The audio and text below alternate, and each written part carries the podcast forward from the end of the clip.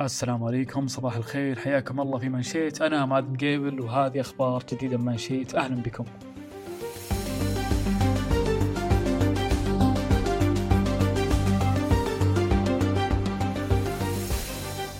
حلقة اليوم راح نتكلم عن العقار والإيجار وآخر الأخبار المتعلقة بالدفع وحفظ حقوق المستفيدين من مالك ومستأجر ووسيط عقاري. كشف تيسير المفرح المتحدث الرسمي للهيئة العامة للعقار عن توفير ميزة جديدة بيتم إطلاقها الشهر القادم في منصة إيجار وهذه الميزة بتساهم في الحد من وجود أطراف تستغل الوسطاء وراح تنظم عمليات الدفع. لن يكون هناك دفع للإيجار خارج منصة إيجار.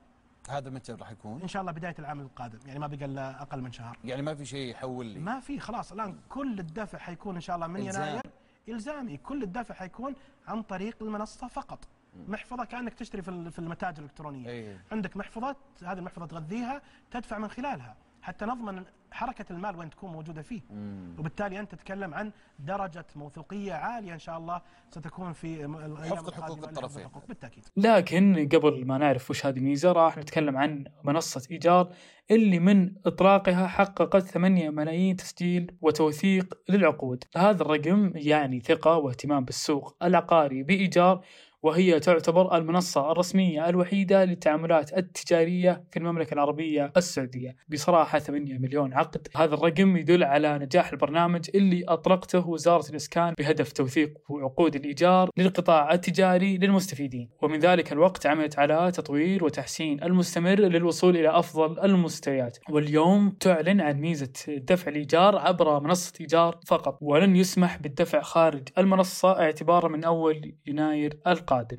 ياسير المفرح أوضح أن هذه الخطوة بتساهم في ضمان سلامة التعاملات المالية المتعلقة بعملية الإيجار بالإضافة إلى أنها راح تقلل بشكل كبير من وجود أطراف تستغل وسطاء في بياناتهم. الآن قبل ما نختم خلونا نستعرض أهم الأحداث والفعاليات لهذا اليوم. والآن تنتظركم الكثير من اللحظات السعيدة وسط أجواء نابضة بالثقافة والفن والموسيقى والعديد من ورش العمل والعروض الاستعراضية في مهرجان رش فن الجداريات والذي تنظمه هيئة الفنون البصرية.